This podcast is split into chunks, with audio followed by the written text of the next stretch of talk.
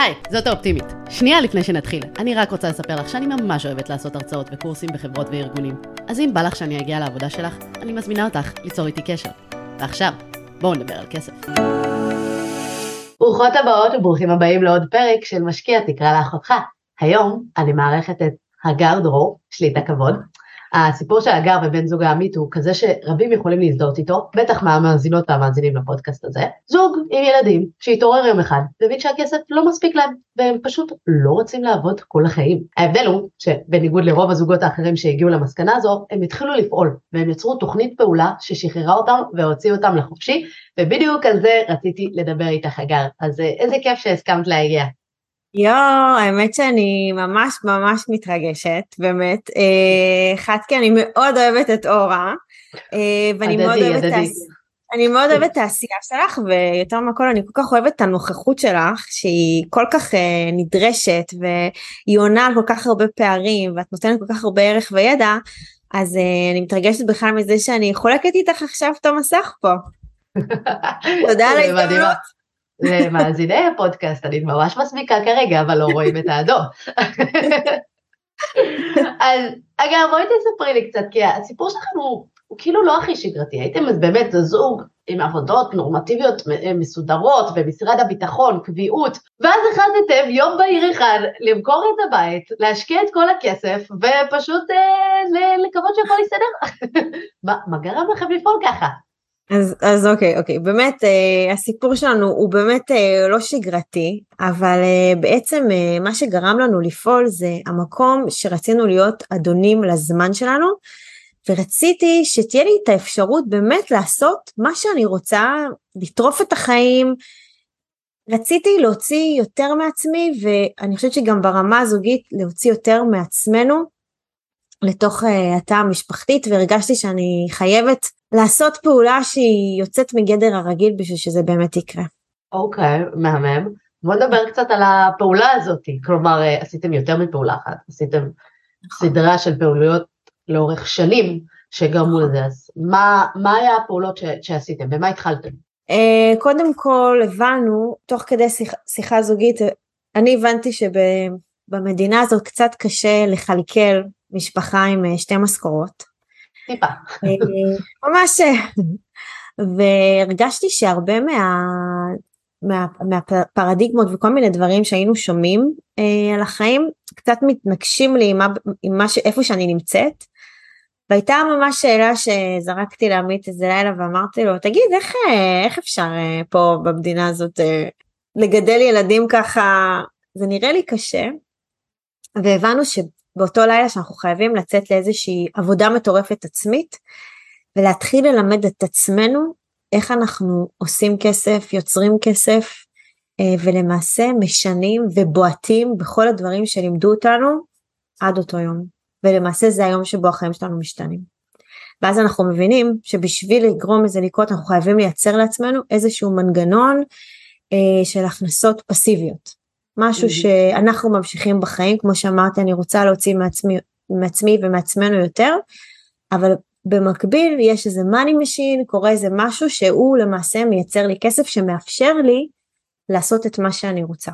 אז כן. זה, אה, זה, זה גם, אני חייבת לציין שיש פה הרבה נקודות אה, משיקות, כי גם אני זוכרת את זה לילה אחד שוואלה, קלטתי שזה אפשרי ומאז החיים לא יכלו לחזור להיות אותו דבר. אה, אבל אני חייבת להגיד שאתם מדברים המון על המונח של הכנסה פסיבית, ואני שוב גם מזדהה עם המקום הזה, אבל זה מונח שאולי אפילו נהיה קצת מאוס, אוקיי? יש אה, הרבה שאומרים שהדבר הזה בכלל לא קיים, וזה זה, זה סתם איזה פיקציה, ועבודה בעיניים, וזה, מה הופך את מה שאתם עושים, את הסגנון השקעות שלכם לכזה שהוא פסיבי? כי בואי נצא מתוך נקודת הנחה, ואני מניחה ששתינו מסכימות על זה, אין משהו שהוא 100% פסיבי באמת. במקרה הכי הכי אידיאלי צריך אפילו להגיש את הדוחות מס כאילו ולסדר את המסמכים כאילו יש תמיד לא. איזה משהו שצריך לעשות. אז תראי קודם כל אני מסכימה עם כל מה שאת אומרת גם אני שחשבתי על המושג הזה הכנסות פסיביות היום שאני מדברת עליו הוא גם לי קצת כאילו את יודעת עם איזושהי קריצה אבל אני רוצה לדייק כי, כי בשביל לייצר הכנסות פסיביות את, את, את צריכה להיות אקטיבית אוקיי זה לא ש... נכון, עכשיו המודל השקעות שאנחנו בנינו הוא, הוא מגיע בשביל לפזר את הסיכונים ובשביל לשחרר לנו את הזמן. עכשיו אני, איך, איך כל זה בכלל מתקשר לכל הסגנון הפסיבי? אנחנו באג'נדה שלי ושל עמית לא משקיעים בהשקעות שאנחנו צריכים לנהל אותן ואנחנו אנחנו רוצים לבחור אצל מי אנחנו משקיעים. זאת אומרת את הזמן שלי ואת הידע אני משקיעה אצל איך אני בוחרת את המומחים איתם אני משקיעה את הכסף שלי שזה הפוך כאילו חלק מהתהליך למידה כשאנחנו יוצאים לדרך אנחנו מבינים שאת מרבית העוצמה שלנו והזמן שלנו והידע אנחנו רוצים להשקיע בתהליך הלמידה של איך לבחור נכון. אוקיי? אז ולא... באמת ברגע שבחרנו נכון יש את האנשי מקצוע שהם מנהלים עבורנו. נכון, ואז זה הופך להיות פסיבי כי אני לא, לא מתעסקת עם ההשקעה עצמה. ואז יש מודל שעובד לצד החיים ודברים אחרים שקורים במקביל. מצוין, אני שמחה על ההעברה הזאת, כי גם אני מאוד מתייחסת לזה, כלומר גם אני נגיד בשוק ההון, אז למדתי הרבה על שוק ההון, אבל למדתי איך להפוך את ההשקעות שלי לפסיביות, לכאלה שאני לא כל כך מתעסקת בהן, זה רץ, אני מקסימום, ושוב, תמיד יש איזושהי עבודה אקטיבית, אני תמיד אה, עובדת על זה שיש איזושהי רמה של תחזוקה, נניח אתם מקבלים דוחות עדכון רבעוניים, אז אתם בודקים את הדוחות או דברים כאלה, ויש איזושהי רמה של תחזוקה, שום דבר לא 100% פסיבי, לא נוגעים, נכון. אבל בשוטף בוא נגיד כאילו כשהכול עובד, כסף נכנס, לא מתעסקים, נכון. נותנים לזה לרוץ. נכון, נכון. גם, אה, גם בהחלטה שלנו, אנחנו מבינים שבשביל להגדיל את המודל, אנחנו גם לא נוגעים בכספים האלה. אוקיי? כי תחשבי שהיינו עכשיו יוצאים לדרך ויצרנו לעצמנו מודל אה, של הכנסות פסיביות של כסף שנכנס, ואז אם את באמת לא יוצאת עם איזושהי מטרה ברורה למה הכסף הזה, אז את יודעת, הוא יכול בשניות אה, להיכנס לך לעובר ושב, ואם את לא עושה תוכנית מסודרת, הוא גם יכול איכשהו להיעלם, ואז בהחלטה זוגית אנחנו יודעים שאת הכסף הזה, אנחנו משאירים בצד ולא מערבבים אותו עם הלייפסטייל, לפחות לא בהתחלה, אוקיי? כי אנחנו עכשיו יש לנו מטרה וזה להגדיל את ההון שלנו. חשוב, חשוב לזכור את זה ככוכבית. אה, לא, זה, זה לא רק כוכבית, כלומר להסתכל גם, גם אם זה, אם אנחנו באיזשהו תהליך, יש לנו מטרה ביד, גם אם עכשיו קיבלתי העלאה, אוקיי, ואני עדיין עובד בעבודה שלי, וגם אם עכשיו אה, בניתי עוד איזה עסק צדדי והוספתי, אם אני רוצה באמת להגיע למטרה כמה שיותר מהר, את הכספים האלה שנכנסו מתוך ההשקעות, מתוך ההכנסות הנוספות, אני חייבת להשקיע מחדש עד שזה יגדל ויעבוד ויתחיל להזין את עצמו, ואז אפשר להתחיל להשתמש בכספים האלה. נכון. נכון. עכשיו, את אמרת, אתם אה, אה, באמת השקעתם המון מהאנרגיה האקטיבית אה, נכון. כדי לייצר, כדי ללמוד ולהבין. ויש לכם ממש מודל ייחודי של ארבע שאלות שגיבשתם לפני שאתם משקיעים בהשקעות משותפות. שזה בעצם אתם מגיעים כמשקיעים, שמים את הכסף ויש אנשי מקצוע שהם מנהלים את ההשקעה. אז בואי נדבר על הארבע שאלות האלה, ואיך הגעתם אליהם. אז כן, קודם כל באמת גיבשנו מודל שהמטרה שלו היא, היא למעשה לנפות, אוקיי? לנפות כמה שיותר גורמים שהם לא מספיק טובים אה, לנישה, אנחנו בחרנו ללכת על השקעות נדל"ן בחו"ל, ואז אמרנו איך בתוך כל ה... את יודעת, מספיק שתעשי עכשיו בגוגל אה, השקעות נדל"ן בחו"ל, יפלו עלייך כל כך הרבה, כל כך הרבה חברות, איך את יודעת לסנן בתוך זה עם מי את רוצה לדרך? ובאמת בנינו אה, רשימה של ארבע שאלות שאנחנו בוחנים אצל חברות שבאמת יכולות, שאנחנו, יכולות להיות רלוונטיות שאנחנו בכלל נשקיע איתם אני רק חייבת לתקן שהיום הרשימה הזו היא כבר כוללת תשעה סעיפים אוקיי? וזה באמת זה גדל עם הזמן וכמו שאמרנו אנחנו בתהליך למידה אז מן הסתם התהליך למידה הזה הוא, הוא כל הזמן קורה אוקיי? חשוב להגיד אתה אף פעם לא מפסיק ללמוד. זאת אומרת אתה כל הזמן מתעסק בזה ואנחנו באמת שואפים שאנחנו נקבל תשובות על, על תשעת הסעיפים האלה ש, שהזכרתי שהם באמת עונים על מה שאנחנו רוצים לדעת אבל אני חייבת לסייג שבאמת לא כל השחקנים שלנו עומדים בכל תשעת הסעיפים בסדר? זה ואז כשאנחנו נכנסים למקרה כזה אז אנחנו למעשה מכניסים עוד שיטות או כלים או מכשירים שנראה לנו נכון לבחון באותה סיטואציה בשביל לראות אם באמת הוא, הוא זכאי לקבל את ההגדרה שחקן אלפא של עמית והגר, אוקיי? ואז אחרי שהם עוברים את הפרמטרים האלה אנחנו משקיעים איתם בעצמנו, אוקיי? את הכסף שלנו לפחות פעם אחת, רואים שזה עובד, רואים, את יודעת, בהנחה וזו עסקה שהיא באמת מניבה, או שזו עסקה יזמית, רואים את הדוחות, רואים את ה... איך העסקה עובדת, את יודעת איך עסקאות נדל"ן עובדות, שבאמת את מקבלת דוחות בזמן, שהכל מפורט, שהכל מסודר, ואחרי כל זה, וראינו שבאמת ההזדמנות, השחקן עומד בכל הפרמטרים שלנו, אנחנו בכלל אה, מציעים את זה כהזדמנות השקעה לקהילה שלנו. ממש כמו, כמו שומרי הסף, אנחנו, אנחנו מרגישים. אה, וגם אנחנו מרגישים שבצורה הזאת אנחנו יכולים גם לסחוט יותר מהשחקן, יותר לרדת, את יודעת, פנימה ולהוציא מעצמו הרבה דברים שלאו דווקא הוא היה רגיל לומר בפגישות אה, רגילות שהוא היה עושה עם משקיעים עד אותה נקודה. כי פתאום באים איזה שני אנשים, עמית פשוט לפה כי בחרנו לעשות את זה רק אני ואת, הם מתחילים לשאול אותו כאילו שאלות אה, אחרות. לא יושבים אה, כזה על האספרסו או אם זה בזום והוא מתחיל לספר לי על, ה, על העסקה והוא יוצא באיזה מונולוג והכל כאילו נורא מהמם והכל נורא מצליח והאקסל סופג הכל ואת יודעת ואת את עכשיו נורא מתלהבת וכבר זהו את וורן באפט בערך עוד איזה חודשיים. אז אנחנו אלה שמנהלים את הפגישה, אנחנו אלה שמחליטים מה השאלות, אנחנו בוחנים איך הוא מגיע לפגישה מוכן או לא, איך הוא עונה לנו על השאלות, עם הכל כאילו, את יודעת, און וייב ככה טק טק טק, ואז אנחנו בכלל מעלים אותו לרף האולימפי מבחינתנו. אני חייבת להגיד שגם אני מתייחסת לזה, אה, אני בחיים לא אמליץ על מקום שאני לא שמתי בו כסף בעצמי ושזה עבד, זה בעיניי ייהרג ובל יעבור, אבל נכון. אה, גם אני אישית בדרך כלל משתדלת, אה, לפחות כשאני מגיעה, אולי לנסות לדבר עם האנשי מכירות או עם האלה, לא לספר להם מי אני, לא זה, לקבל את הפיץ' הרגיל, כי גם מעניין אותי לדעת מה מקבלים האנשים הרגילים. אה, כן. מה שנקרא, שהם לא באים עם המיתוג ועם הקהילה וכאלה, לוודא mm-hmm. שאת יודעת, גם האנשים הפשוטים מקבלים אותו דבר. אתם גם הולכים על מודל אחר, שאתם מנגישים את המידע הזה, אתם נכון. אה, כאילו, אתם עושים אה, הדרכות יחד עם השחקנים, אז גם אם הם סוטים מאותו דבר, נכון. אתם כבר שם כדי לשים אותם במקום, שזה מעולה. אבל את התחמקת מלספר לי על הפרמטרים. שבינינו אה, זה הכי מסקרן. אוקיי, איך בוחנים? אני, אני עכשיו רוצה לדעת, אוקיי, יש השקעה משותפת, עשיתי השקעת נדל"ן, אה, כאילו עשיתי בגוגל השקעת נדל"ן בחו"ל, קפצו עליי עכשיו מאות איזה, נכון. איך אני מסננת אותם? תני לי את הכלים. אז תראי, קודם כל אני רוצה אבל לומר שבאמת זה המודל שלי ושל עמית, זה לא חלילה אומר שום דבר, את יודעת, על, על גורם אחר, אני לא רוצה שישתמע מכך, את יודעת, זה מה שעמית והגר החליטו וזו השיטה. ממש לא, כמו שלאורה יש את השיטות שלה ואת הכלים שלה ואת המקומות שבהם היא משקיעה, לנו יש את המקומות שלנו, יש, יש מהעוגה הזו לכולם, וכל אחד באמת הולך לדרך שהיא הכי מתאימה לו. וזו הדרך שמתאימה לי ולעמית, פשוט אני רוצה להדגיש את זה. המידע הבא מובא לצורך לימודי בלבד, ואינו נועד להוות תחליף לייעוץ אישי. כן, וגם לא חלילה, וגם לא חלילה לומר דברים אחרים על אה, שחקנים שלא עומדים בפרמטרים שלנו, אם הם טובים או לא, כי בסוף המשקיע הוא זה שמחליט. והשקעה הוא, הוא, הוא מחליט איפה טוב לו, מקום שהכי יתחבר לו בבטן, אוקיי? זה לא משנה מה אורה אומרת ומה עמית והגר אומרים, זה משנה מי שחותם בסוף על העסקה, כי בסוף כל אחד הוא אינדיבידואל בסיפור הזה. אז כשאנחנו מחליטים לגבש את המודל שלנו, קודם כל השחקן שלנו הוא משקיע רק בעולם המערבי, שזה ארצות הברית ומערב אירופה.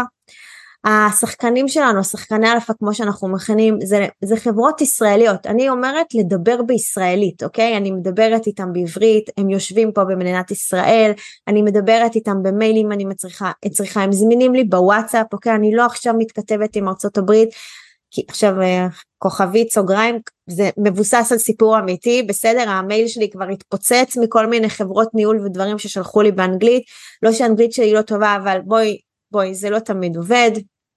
אנחנו מחפשים שחקנים, אנחנו קוראים לזה בוגרי משבר הסאב פריים ב-2007, אוקיי? חבר'ה שהיו שם שהכל קרס, יש להם צלקות על הגב, הם, הם היו שהכל התמוטט, הם יצאו מזה והם יודעים לנהל את המשבר הבא שיגיע ואם יגיע נעשה בכוכבית קורונה סוג של משבר שתקף אותנו ולמעשה אם הם היו שם ב-2008 הם ידעו גם איך להסתדר עם משברים שיקרו לנו uh, מחדש, זה כאילו ה old school, אוקיי? החבר'ה שהם old school, אנחנו רוצים שתהיה זהות אינטרסים בין המשקיעים לבין החברה ש... שלמעשה מציעה את ההשקעה, אוקיי? וגם השחקן מכניס הוא בעצמו כסף לעסקה, זאת אומרת, אני ואת והשחקן, אנחנו נמצאים כולנו באותה זירה יחדיו, אנחנו יוצאים עכשיו ב... ב... למסע משותף יחד, אוקיי? אני רוצה שבעסקה שלי תהיה קדימות תשואה, אוקיי? למשקיעים לפני שחקן האלפא והשותף המקומי. אני, אני לפני כולם, ואני רוצה ביטחונות חזקים על הכסף. זאת אומרת, אם חלילה משהו קורה, אני יודעת מה עומד מאחוריי שמציל אותי, אם אני אצטרך עזרה, והשותפות שמגדירה את המעמד שלי והיא מייצרת לי אפס התעסקות עם הניהול העסקה. זה לא שעכשיו אני חתמתי ומחר בבוקר אני צריכה לעשות משהו. לטפל אה, בקידום שלה, לדעת מי הולך לקנות אותה, זה לא מעניין אותי. אני כמו שאמרתי קודם, משקיעה את האנרגיות בכל הפרמטרים שאני, שאני מגדירה. ושני דברים אחרונים זה שהשחקן פועל עם שותף מקומי שהוכיח את עצמו כבר, אוקיי? זה, זה לא, אה, גם אם הוא חובר לצ... לשחקן הזה, לשותף בפעם הראשונה, יש לו טרק רקורד, אוקיי? הוא כבר מראה לנו מה היה קודם, מה הוא עשה, מה, איך הוא כאילו, דברים שהוא עשה בעבר, ואני רוצה בכל עסקה שהשחקן יביא לי הלוואה או משכנתה, ואני אוכל למנף את העסקה כולה, אוקיי? ואז כבר אני נכנסת למשחק כאילו במגרש של גדולים עם אותם 50 אלף דולר, אני לא רוצה שיקנו לי רק נכס אחד, אני רוצה כבר לחשוב בגדול.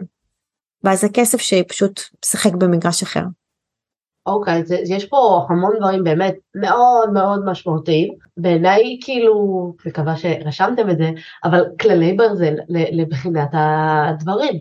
כלומר, יש כן. דברים שבעיניי הם הרבה יותר קריטיים, כמו הנושא של עברו את המשבר הסאב פריים וזה, כי אני חושבת שהיה ואולי זו באמת תחושה שלי, אבל היה מאז, אה, אה, כאילו, אחרי המשבר הסאב פריים, שהמחירים היו נורא נורא אה, נמוכים בהרבה מדינות, אז צצו הרבה חברות, ואז מאז השוק עלה ועלה ועלה, ונורא נורא קל להצליח במקום הזה, אוקיי?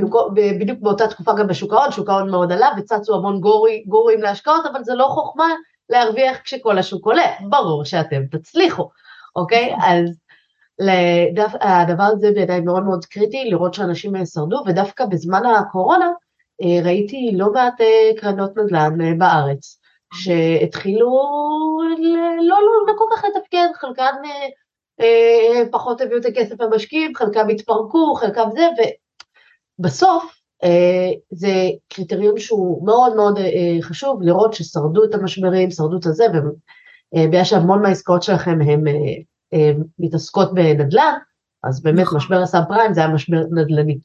אה, מעבר לזה אני רוצה להתעכב קצת יותר על הנושא הזה של זהות אינטרסים, כי נכון. בעיניי זה מאוד קריטי.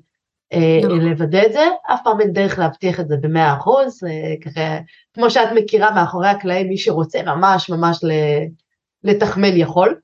כשאת אומרת זהות אינטרסים, איך אנחנו מוודאים את הדבר הזה? מעבר לזה שהשחקן שם גם כסף, כי אה, יכול להיות שהם שמו סכום קטן מההון עצמי שלהם, לא משהו שיזיז להם. קודם כל יש cap table ויש את יודעת את התוכנית עסקית וזה משהו כשאת, כשאת חותמת על עסקה ואת למעשה הופכת להיות אה, ניצת בעסקה וחושפים לך את כל המספרים, אין דבר כזה שאת לא רואה את ההשתתפות, אוקיי? של השחקן.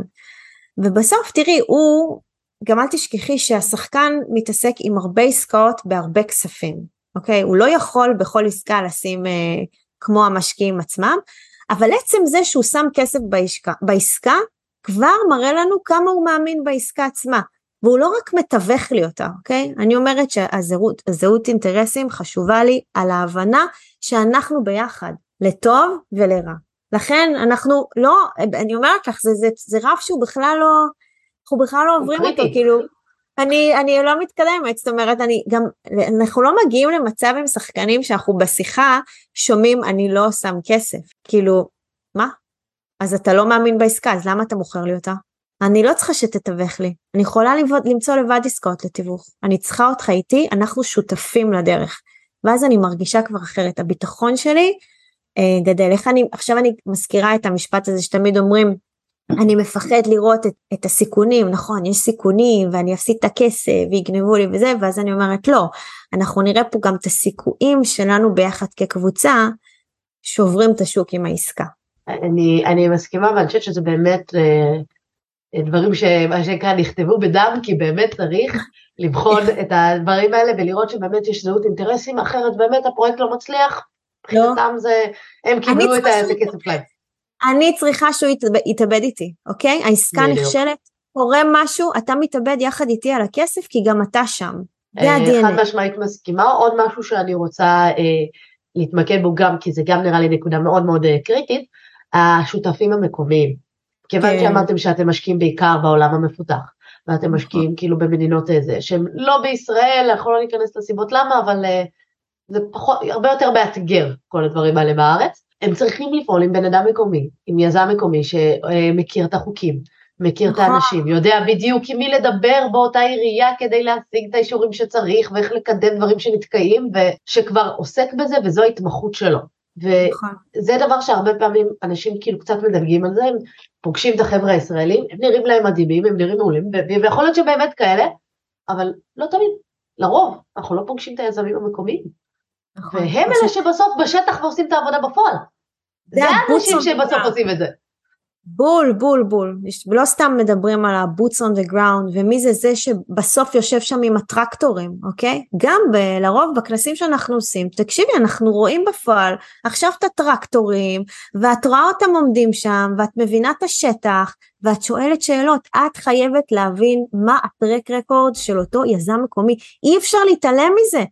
ועוד פעם, הנה, עכשיו ישבת בפגישה, הנה עכשיו טיפ לכולם, ישבתם בפגישה, ולא הרחיבו את ה track record של היזם המקומי, תגידו תודה רבה, תקומו ותסתובבו, זה, זה, את יודעת, זה דברים שהם כל כך basic בשבילי, שהנה גם פה, נאמר ובפגישה לא הזכירו את היזם המקומי, ולא אמרו לי כלום על ה track record שלו, ואני כאילו שואלת שאלה ואני רואה גמגום, אני קמה והולכת, זה, זה אסור, אסור לעשות את זה, ואנחנו צריכים שותף ותיק, וכמו שאמרת מקומי, שמכיר כל מדינה וה, וההנחיות שלה, כן. שזה עוד ארצות הברית, באמת, במדינה הזאת ככה, במדינה הזאת זה ככה, באירופה, אני לא יודעת לעשות את הדברים האלה. לנו הייתה איזה, לפני שיצאנו למודל של עמית והגר, שניסינו את הדברים על בשרנו, היה לנו סינגלים בארצות הברית, יום אחד דפק לי הפקח ואמר לי, את, uh, הדשא שלך uh, עלה בסנטימטר וחצי. מה? אמיתי? והוא כנס אותנו. אני כזה, אוקיי. דברים שאת את יודעת, את בכלל לא, אני לא לדעת. קרה לי בדיוק אותו סיפור, בשיא הקורונה, שלחו לי לבוא לבית משפט של ה-HOA בארצות הברית בדירות הפרטיות, אה, זה, שוב, ואמרו לי, כאילו, הדשא לא מכוסח, ותבואי להתייצב בבית משפט, ואני אומרת קורונה, סגר, אנשים לא יוצאים מהבית, מי הפקח המשועמם הזה שהולך ומודד את האורך של הדשא, אבל שם זה הגיוני. עכשיו תקשיבי, אנחנו כשאנחנו יוצאים לדרך ומתחילים לגבש את המודל, אני לא יכולה לדעת את הדברים האלה. עכשיו, אני יודעת שיש אנשים שהם הולכים והם לומדים והם באמת משקיעים את כל כולם והם נוסעים לארה"ב והם יודעים באמת מתי לגזום את הדשא ואני מצדיעה להם. כי זו אסטרטגיית השקעות שלהם וזה מהמם ואם אתם בנויים לזה אז כל הכבוד. אה, כן, אני רק רוצה לדייק, לפחות מה שהיה במקרה שלי זה היה על הדייר, הדייר קיבל את כל הזה, הוא היה אמור לכסח את הדשא, זה היה חלק מההסכם יחד איתו, ופשוט המנהלת נכס אמרה לי, טוב, העבירה לו את הפרטים ואמרה לך אתה למשפט בהצלחה זה הכל עליך. אז... אה, אה, גם כאן אבל למשל, חברות ניהול, החברות ניהול שאמרת, לא תמיד החברת ניהול שאת תבחרי תנהל את זה כמו שניהלו לך. את יודעת, הן יכולות לעשות לך uh, קטעים. את לא שם, מנהלת הכל בשלט רחוק דרך מיילים. פחות, uh, פחות מתאים לי. לנו הייתה איזו תקופה באנגליה עם נכסים בבעלותנו, שאף uh, ש, uh, כאילו אף אחד לא רצה לקחת אותם כי אמרו לנו זה לא האזור שלנו ולא המצח, לא הצלחנו למצוא חברת ניהול. ליטרלי לא הצלחנו למצוא חברת ניהול עוד שנייה כאילו טסנו לשם למצוא מישהו שיסכים ובסוף אחרי הרבה הרבה מיילים ששלחנו איזה מישהו הצליח, אה, הסכים לקחת את הקלות המהממות שלנו וטיפל לנו בעסקאות, אבל אה, אני, אני, אני, מיד והגר, לא, לא בנויים ל... לא בנויים, oh, באמת. זה, זה בדיוק משהו שאני רואה אוהבת שהוא נורא יפה, כי אני חושבת ששוב, בכל דבר יש יתרונות וחסרונות. נכון, בהשקעות, נכון. בהשקעות המשותפות, לטוב ולרע, אין לי השפעה ואין לי יכולת באמת בחירה לעסקה, אז מצד אחד אני לא מתעסקת עם זה בשוטף, אני לא מקבלת את המיילים האלה על הדשא בכלל, אני לא מתעסקת איתם, אולי פעם ברבעון אני מקבלת עדכון שזה היה מטופל, אבל אה, בהשקעות שהן, אה, אני מנהלת בעצמי, אני מחליטה בדיוק מתי לצאת מהעסקה, מתי אני רוצה לקחת את ה-refinance, מתי רוצה למכור, מתי אני רוצה להעלות את השכירות, כלומר יש לי הרבה יותר שליטה, שוב, לטוב ולרע. נכון. כאילו זה. יש לזה שני צדדים לאותו מטבע, מצד אחד יש לי הרבה נכון. יותר שליטה, מצד שני זה גם יותר התעסקות. ו... נכון. וכל אחד מאיתנו מתאים משהו אחר. בול, זאת אסטרטגיה. אם עכשיו אתם נכנסים אה, לדרך, ש... קודם כל, אתם מבינים שאתם חייבים להשקיע, בסדר? אבל אם אתם כבר נכנסים לדרך, אז יש כמה וכמה אסטרטגיות, וכל אחד אמור לבחור את מה שהוא הכי מתחבר אליו. וגם אמרתי את זה קודם. בסוף הוא חותם, את חותמת מול הבית הזה הסינגל, אני חותמת מול השותפות, זה חותם מול, כל אחד עושה מה שהוא הכי מתחבר ומתקדם הלאה. ותמיד זוכר כמובן לראות גם את הסיכוי, לא להתעמק בסיכון או למה היא עשתה ככה והיא אומרת ככה, זה לא משנה, אתה צריך ללכת איפה שאתה מתחבר, ואז נכון. להמשיך לדאור קדימה. אני חושבת שהרבה מהקריטריונים שאמרת, גם אם אני לא הולכת על השקעה בשותפות, אני עדיין רוצה אנשים שעברו את משבר הסאב פריים, ושיודעים נכון. להתמודד עם אה, התקלות, ואני כן רוצה את נכון. העולם המפותח, ופחות, שוב, ברמה האישית שלי אני כאן מסכימה איתך גם, אני פחות אוהבת להשקיע במדינות עולם שלישי, למרות שהתשואות שם הרבה יותר גבוהות, אה, זה גם יותר סיכון, וגם להגדיר את השותפות, שיש פה שותפים מקומיים שהוכיחו את עצמם שהם זה, כלומר בסוף הבחינה היא אותה בחינה, זה רק העניין של לבחון עם עצמנו, מה אנחנו רוצים קודם, מה נכון ומה מתאים לנו. נכון, אה, כי בסוף את תשמעי, את הולכת לישון בלילה, והיא, כשאת לפני שאת עוצמת עיניים, את מתחילה לחשוב על הדייר, אז יש פה בעיה. אוקיי? את צריכה להבין שיכול להיות שזה לא מתאים לך. יכול להיות. נכון. שוב, יכול להיות שזה מתאים, יכול להיות שלא. אני משקיעה גם בזה, גם בזה, ויוצא לי תמיד לחוות את ה...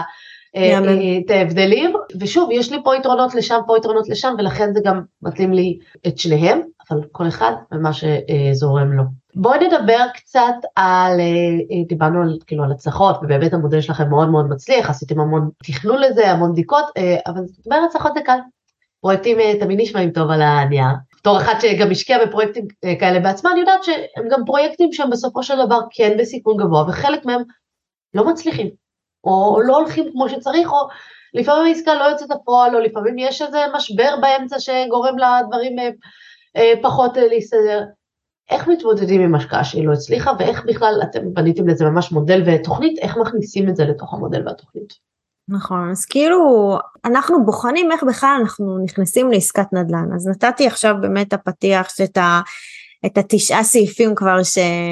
הרחבנו ואני מדגישה עוד פעם שבמקרה שלנו אנחנו באמת סומכים על המקצועיות של השחקן, לכן באמת אנחנו, את מרבית הקשב והזמן שלנו אנחנו נותנים ל... עם מי אנחנו משקיעים, בסדר? ויותר... או, אבל זה דרך מצוינת לצמצם את הסיכון, שאנחנו בעד לצמצם אותו, אי אפשר לעשות לו אלימינציה לגמרי, בסוף בכל השקעה יש אלמנט של סיכון, גם עם האנשים הכי טובים. ברור, ברור, ברור, ברור, נכון, אבל אני כל הזמן אומרת, שאני משתדלת לא לחפש את האלמנט של הסיכון, אלא אני שמה לב את האלמנט שיש לי של הסיכויים בעסקה הזו. זה סתם, את יודעת, זה לא סתם, זה הטרמינולוגיה שעבדנו עליה הרבה, כי גם אני, כשאנחנו יוצאים לדרך, תמיד אני מספרת על, ה, על הפינגווינים שעמדנו שם על הקרחון, ואני ועמית עומדים ביחד, ובסוף צריך לקפוץ, צריך לקפוץ למים, כי מהאנשים שאת יודעת נסעו כל היום לעבודה, אף פעם לא השקיעו בשום דבר. תמיד שמעו על השכן ועל החבר ועל ההוא שהשקיע, אף פעם לא עשינו את זה בעצמנו.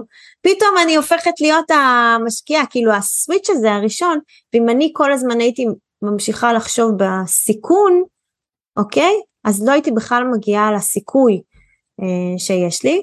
אה, ולכן במקרה הזה, אני, כמו שאמרתי, משקיעה מאוד בשחקן, אבל אני חייבת להבין ממנו את העסקה באמת על כל הסיכויים והסיכונים בה, ורק כאשר אני באמת מבינה אותם, אני משקיעה. אם אני יושבת בפגישה ומשהו שם לא עבר לי, חזרתי הביתה ונשארתי עם שאלות פתוחות, אני שואלת אותו, הוא לא ענה לי את התשובות שמספיק מתאימות לי, זה, אני חותכת.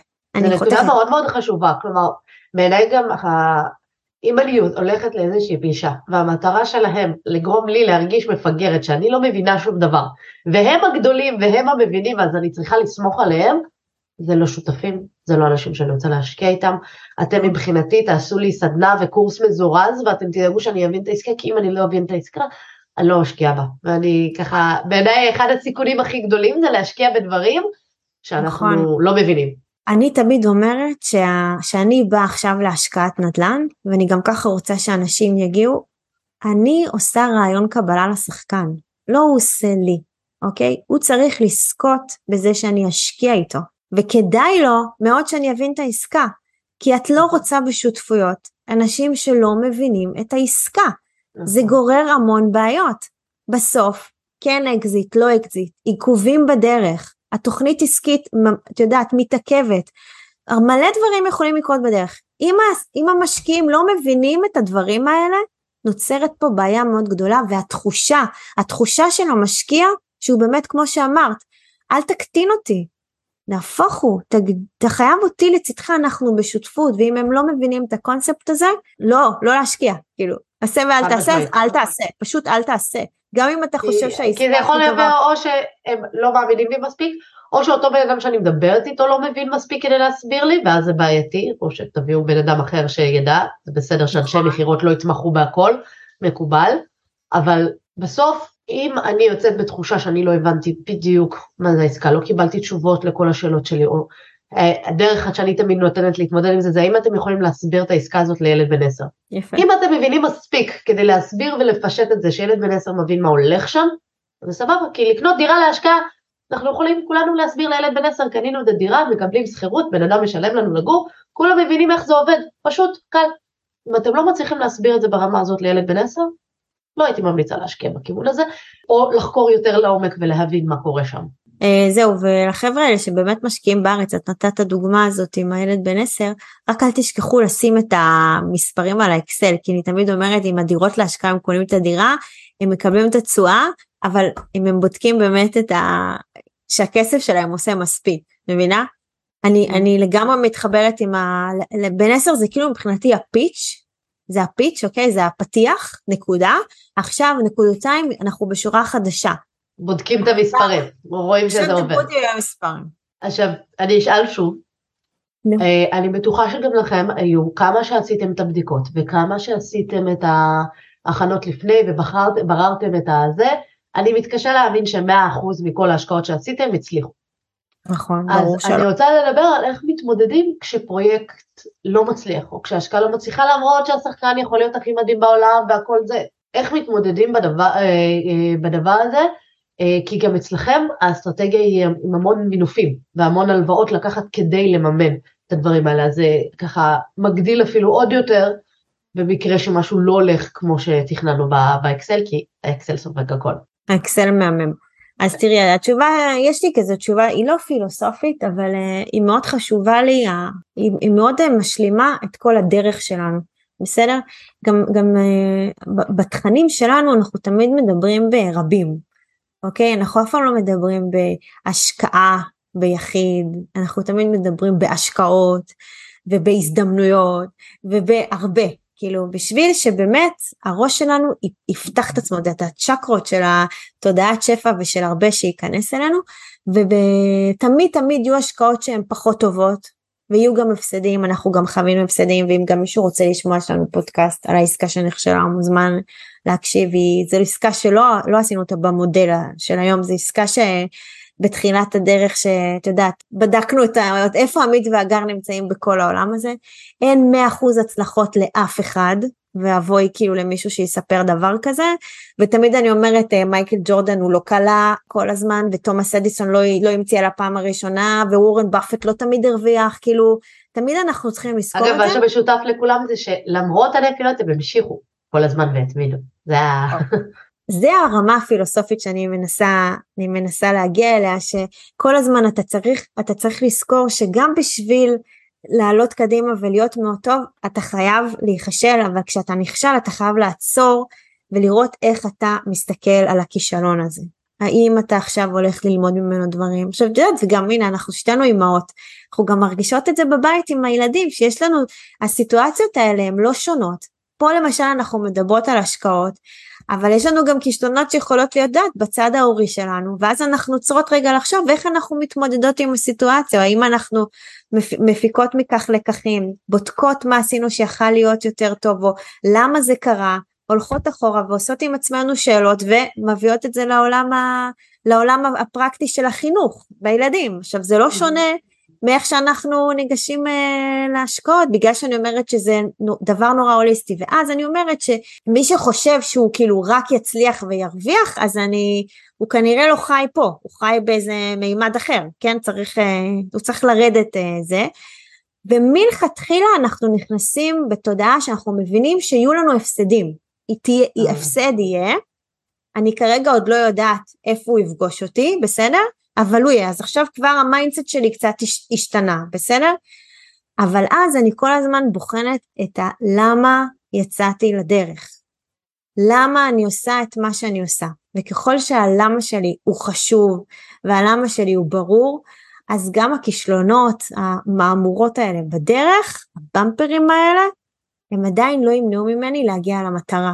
עכשיו, זה יכול נורא לשבלל אנשים, כי הם יפסידו עכשיו כסף בעסקה, הנה הפסדתי את הכסף וכולי, ואם לא הם יפסידו בעסקה והם יעצרו שנייה יגידו אוקיי, אני חייב לבדוק מה קרה פה, שגרם לי להפסיד את הכסף, אני יודע את הלמה שלי, ואני עכשיו מבין איך אני מביא עוד כסף ואני נכנס לעוד השקעה, כי יש לי דרך. המודל הזה שאנחנו עשינו, הוא נועד כמה שיותר למזער את הסיכונים, הוא לא חסין, אוקיי? הוא לא חסין, אין משהו ניסינו... שחסין במאה אחוז, זה לא יהיה. אין דבר כזה, אבל ניסינו כמה שיותר לשים עלינו שכבות הגנה, שאיתן לא נפסיד את, ה, את, ה, את הקרן, אוקיי? אבל... אה, אז בואו נדבר רגע על שכבות ההגנה, אחת מהן זה באמת בדיקה מאוד מאוד מעמיקה מראש, לפני שנכנסנו לעסקה. אבל מעבר לזה דיבר גם על פיזור, כלומר לא השקעה אחת, אלא כמו שאמרת, ברבים, לעשות כמה נכון. השקעות, לא לשים את כל הכסף שלי על השקעה אחת, זה באמת באמת סיכון מאוד גדול ומיותר. אה, דבר נוסף, אה, זה קרן חירום, כלומר להכין כספים בצד במיוחד כשאנחנו לוקחות הלוואות כדי למנף את ההשקעות האלה, אז אנחנו נשים איזשהו כספים בצד למקרים האלה בדיוק, מתוך הידיעה וההבנה שגם אם 100% לא מהעסקאות שלי לא יצליחו, ו-100% מהעסקאות שלי לא יצליחו, נכון. אבל יהיה לי השקעות פה בשביל שלא יצליחו, אני רוצה שעדיין יהיה לי לפחות בכמה חודשים הראשונים את היכולת להחזיר את ההלוואה שלקחתי, נכון. אוקיי? ומשם להתחיל לעשות חישוב צעדים אה, אה, מחדש ולהתארגן. נכון. כלומר, אה, צריך גם לבנות את התהליך הזה נכון. נכון, נכון, זה מדויק, זה מדויק ואתה חייב לעשות את זה, זה חלק מהתהליך. ואתה ממש יושב, ואתה מחשב, אתה רואה כמה עולה לך שליש, כמה עולה לך חציון באמת של ההלוואות, אתה, אתה, אתה מכפיל את זה בחודשים ואתה שם לך את זה בצד, אתה לא נוגע בזה. אתה פשוט כן. מוכן, ואז אתה, זה חלק מהאסטרטגיה שלמעשה איך אני יוצאת לדרך, עם איזה, מה אני שמה לי באשפת החיצים שלי.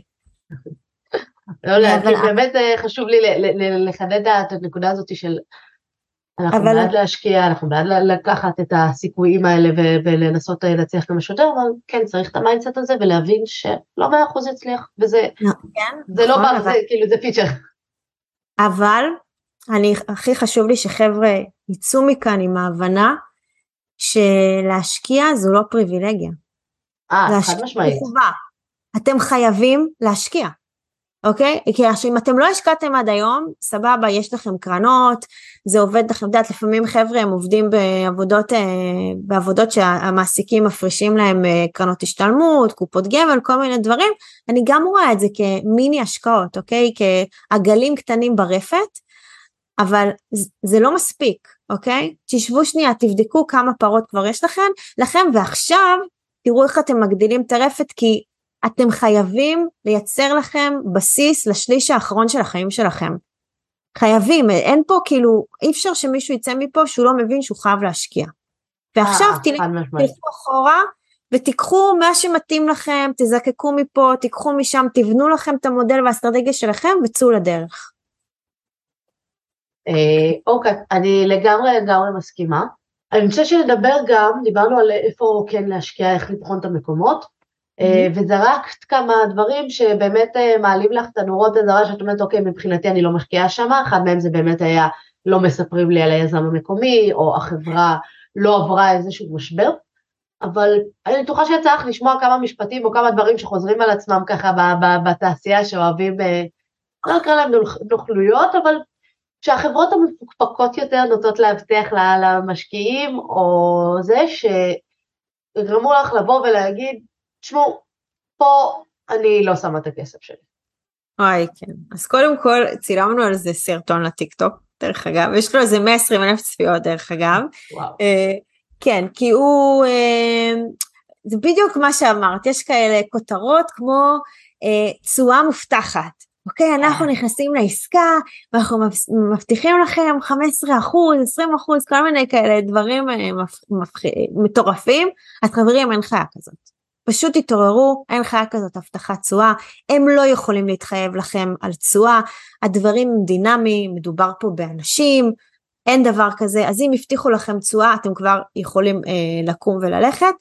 אה, להלחיץ, אוקיי? עכשיו הייתי בפגישה, הכל היה טוב יפה, הוא אפילו ענה על כל השאלות שאני ואת דיברנו קודם, והוא הסביר לי מאוד יפה את העסקה, אבל שנייה, שנייה, שנייה לפני שיצאתי, הוא אומר לי, כל זה תקף עד השעה 12 בצהריים. לא הבנתי. ומה קורה ב-12 ודקה? נגמרה העסקה? מה זה הדבר הזה? אל, ת, אל, ת, אל, ת, אל תלחיץ אותי. יש, יש זמן קריאה לכסף, זה ידוע בכל עסקה, יש עכשיו את ה... עכשיו אנחנו מגישים את העסקה, יש לנו כמה שבועות עד שאנחנו עושים closing, ואז אנחנו יוצאים לדרך. אתה מראש אומר לי מה טווחי הזמן. שאני מכניסה עכשיו לתהליך שאני עוברת בבחירה של ההשקעה, שאני יודעת שיש לי עכשיו נאמר שבועיים, יש לי עשרה ימים, להתכונן. בתום העשרה ימים אני אהיה מוכנה. אבל אתה לא תשב ותמכור לי איזה אשליה, גם תכניסי את התשואה המובטחת וגם תגיד לי עד 12 בצהריים, ותצפה ממני לחתום, אוקיי? ואני הכי אוהבת שגם מכניסים, ראיתי בכל מיני כאלה שקופצתי, את יודעת, באינסטגרם או בזה, בפייסבוק, שזו הזדמנות של פעם בחיים. וואלה, כאילו, אתם חברה ויש לכם הזדמנות רק של פעם אחת בחיים, זאת אומרת, אתה חברה של הזדמנות אחת, אין עוד. אתה הצלחת למצוא את העסקה הכי מהממת שיש, ואחריה לא יש שום דבר, אז אני ממש לא מתחברת לדברים האלה. וגם, זה עוד טיפ קטן, אם אתם שומעים על תשואות שהן ממש חריגות, את יודעת, ראיתי אה. אנשים שהבטיחו להם 40, 60 אחוז, 100 אחוז כסף, אני כזה, באמת? אז מה אתה צריך אותי בכלל אם אתה עושה עסקאות כאלה טובות? מה אתה צריך את המשקיעים? לא הבנתי, לך תעשה 40-60 אחוז ותעזוב אותי בשקט, כאילו אתה כן, מבזבז כך. כל הלוואה שכל בנק וזה ייתן לך, כאילו כבר יהיו שווים את הכסף. אז אני במקרים כאלה אומרת, אה, סבבה, אתם יכולים ללכת, תעשו את העסקה לבד, אני לא אוהבת את ה... אני חושבת שתהליך השקעה זה תהליך למידה, וככה אנשים צריכים לגשת לזה. גם, אני לא מצפה ממך להיות המבינה הכי בנדל"ן בארצות הברית באותה מדינה שהחלטת להשקיע, אבל אני מצפה שאת תביני את העסקה על בוריה. לפחות זה, נכון? זה מה שאני, זה מה שאני רוצה. אני, אני מסכימה לגמרי, יש באמת כאילו לא מעט אה, נורות אזהרה שצריך, וכאילו אנחנו גם צריכים לדעת מתי לקום וללכת, אה, ומתי זה נכון. לא הגיוני. אה, זה באמת, זה, שאני רוצה לשאול אותך שאלה קצת יותר ברמה אישית, אוקיי? אני חושבת שאפילו לפני הפרק שאלתי אותך את זה, אבל שואלים גם אותי את זה לא מעט. אתם היום בחופש כלכלי, אתם יכולים להפסיק לעזור, לעבוד, אתם יכולים להפסיק לעשות סרטונים בטיק טוק ולהביא עסקאות וזה, נכון. אבל אתם ממשיכים מתעקשים להמשיך לעבוד באופן עצמאי, ואפילו להגדיל וכל הזמן לפתח את העסק. כאילו, נכון. למה בעצם? למה אז... לא פשוט לעשות מה שנייה אתכם לפעול מלכתחילה, שזה להפסיק לעבוד וזהו. נכון. אז תראי, אנחנו אמרנו שאנחנו, כאילו לא, לא אמרנו מעולם שאנחנו רוצים להפסיק לעבוד. אמרנו שאנחנו רוצים להפסיק לעבוד אצל אה, מעסיק, אבל אנחנו תמיד רצ, רוצים לתת לאחרים ולתת לעצמנו. אוקיי? גם כשעבדנו בעבודות הקודמות שלנו, נתנו למדינה, אוקיי? ואז כשאנחנו יוצאים לתהליך שלנו האישי, אנחנו כל הזמן שומעים בחומרים שיש את ה-added value, את הערך המוסף, יש את המשהו שאתה נותן ליקום הזה בשביל שהוא ימשיך אה, להתקיים.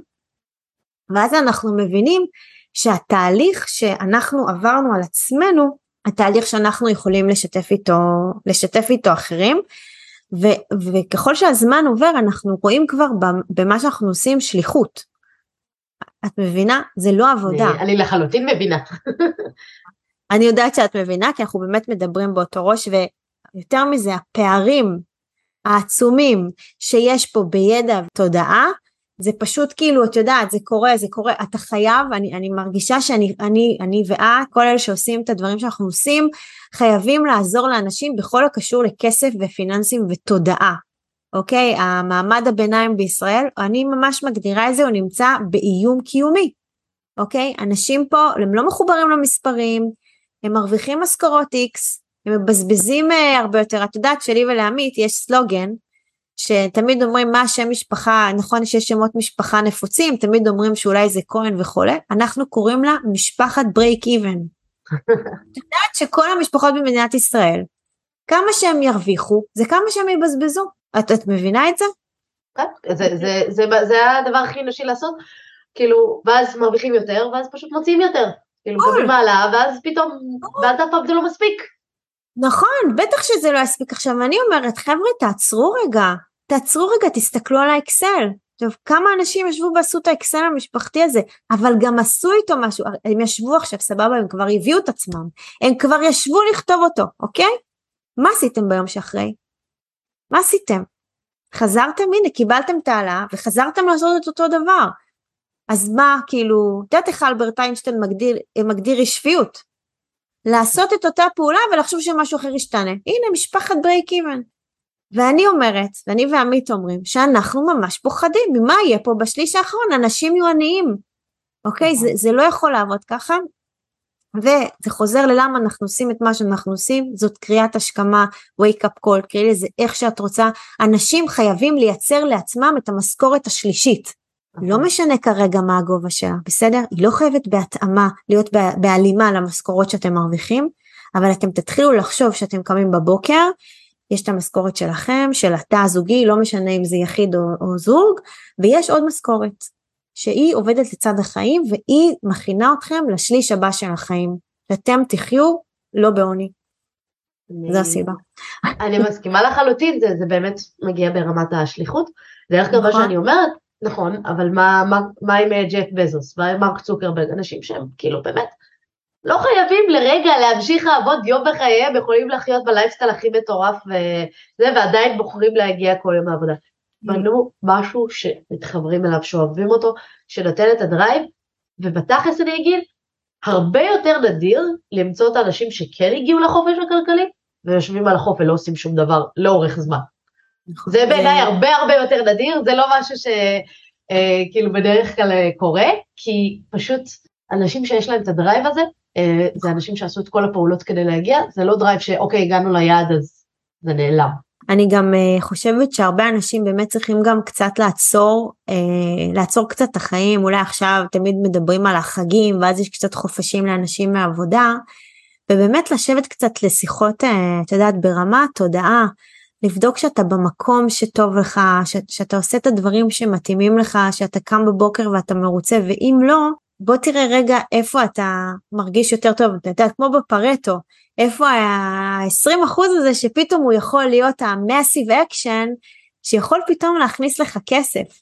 כי אתה, אתה, אתה נמצא באיזה loop, כי אתה גם במשפחת break even, ואתה גם חי מרגע לרגע, ואם היית רגע עושה כמה צעדים אחורה, יכול להיות שהיית, את יודעת, עושה refinance לחיים שלך, ומשנה דברים, ופתאום מייצר לעצמך את המשכורת השלישית הזאת ממשהו, את יודעת, ליצור יש מאין, ממשהו שלא ידעת בכלל שאתה יכול לעשות ממנו כסף. כי אתה כל כך טבוע, את יודעת, בפנים, ורצים לקנות דירה, ולא עוצרים שנייה לבדוק את המספרים, וקנו דירה להשקעה במדינת ישראל, והשכירות מכסה את ההלוואה, אבל הם לא יודעים כמה ריבית הם משלמים על ההלוואה, ולכמה שנים, ו, ומתי אתה מממש את הנכס, כאילו כל כך הרבה שאלות קטנות קטנות ממש, שיכולות לעשות שינוי עצום עצום בתא הכלכלי, וחבל, וחבל, לכן אני לא יכולה, אנחנו, אני ועמית לא יכולים להפסיק את מה שאנחנו עושים, כי זה בוער, זה יוצא מאיתנו, אנחנו מקבלים פרגונים ופידבקים בלי סוף ואני, ואנחנו לא יכולים לעצור, אז נהפוך הוא, זה לא שכאילו, זה מגביר, כמו שאמרת, אנחנו לא יכולים באמת לשבת בה, כי אנחנו נשב בים, אנחנו נחשוב על הפרקים הבאים של הפודקאסטים שאנחנו מקליטים, כי אנחנו יודעים שאנשים רוצים וזה צריך. יש פה בור שאף אחד לא מטפל בו חוץ מאיתנו. אני ואת, אף אחד לא מטפל בזה. לכן אנחנו חייבים לעשות את מה שאנחנו עושים. והתיקונים יבואו, הם יבואו מלמטה והם יפרצו עד למעלה, אין מה לעשות, ככה זה יקרה. השינוי יבוא מהרגליים. אנשים, שוב, חושבת שצריך להנגיש את המידע הזה כמה שיותר, אחר כך זה באמת בחירה של האנשים מה יבחרו נכון. לעשות. אנחנו ממש ככה לקראת סיום. חבל, כיף לי ממש. גם לי כיף, אנחנו נקבע עוד, כמו שאמרנו. אה, האם יש לך אה, משהו שחשוב לך להגיד, והיית רוצה שהמאזינות והמאזינים שלנו יקחו כתוצאה מהשיחה הזאת בינינו? אני קודם כל אה, רוצה שאנשים יאמינו בעצמם, אני רוצה שאנשים יבינו שהם לא צריכים לחכות שמישהו אחר ידאג להם. אוקיי? לפעמים אתה, אתה יהיה בסדר כזה, ונו, מה את רוצה? כאילו, אני לא שם, אני זה, ואז תמיד נשאבים לדברים האלה שיש לנו בתת מודע. אני רוצה שקצת תהיה התעוררות, אני רוצה שיבינו שהחיים, החיים שלנו פה בגל, ביקום הזה, בכדור הזה, זה, זה כמו זכינו בפיס, כאילו יש לנו הזדמנות, היא חד פעמית כרגע, ו- ובואו נהנה, בואו נמצה אותה עד תום, בואו, בואו, אל ניתנו לחיים לעבור לידכם. תעברו מהפאסיב ל active, אני תמיד אומרת, אה, יש את המשפט של אה, טוני רובינס, emotion to action, זה כאילו משפט שאני אני שמעתי אותו והוא לקח לי זמן להבין איך עוברים, את מבינה? כאילו איך אתה עובר מזה שאתה חושב ואתה לומד ואתה מרגיש, ואיך אתה עושה מזה באמת בסוף אקשן, זה, זה לא קל, זה לא קל, כן.